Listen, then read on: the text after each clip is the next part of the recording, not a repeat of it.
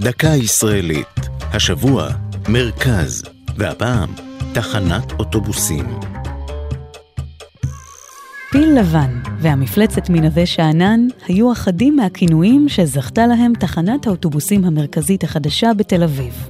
עם חנוכתה לפני כ-30 שנה, היא הייתה הגדולה מסוגה בעולם. עוד בשנות ה-50 נעשתה קודמתה צרה מלהכיל את שטף האוטובוסים העירוני, ותכנון המתחם מחדש הופקד בידי יזם פרטי ובידי האדריכל רם כרמי, ששאף ליצור מבנה על שיהיה עיר תחת גג. מבנה התחנה בשכונת נווה שאנן כולל שמונה מפלסים, בהם מסופי אוטובוסים ומתחמי מסחר, עם מקום לכ-1,400 בתי עסק.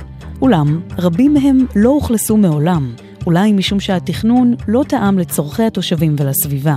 המסדרונות הנטושים החלו משמשים מקום מפלט לחסרי בית ולפעילות בלתי חוקית, ובין הרוכלים והקונים בחנויות רבים מהגרי העבודה. במקביל, הגיוון האתני והחלל הייחודי הפכו את המקום לבית אירועי תרבות שוליים תוססים. במהלך השנים יצרו בניית התחנה ומערכת הכבישים שסביבה מפגעי זיהום אוויר ורעש, ועוררו כנגדה מאבק ציבורי.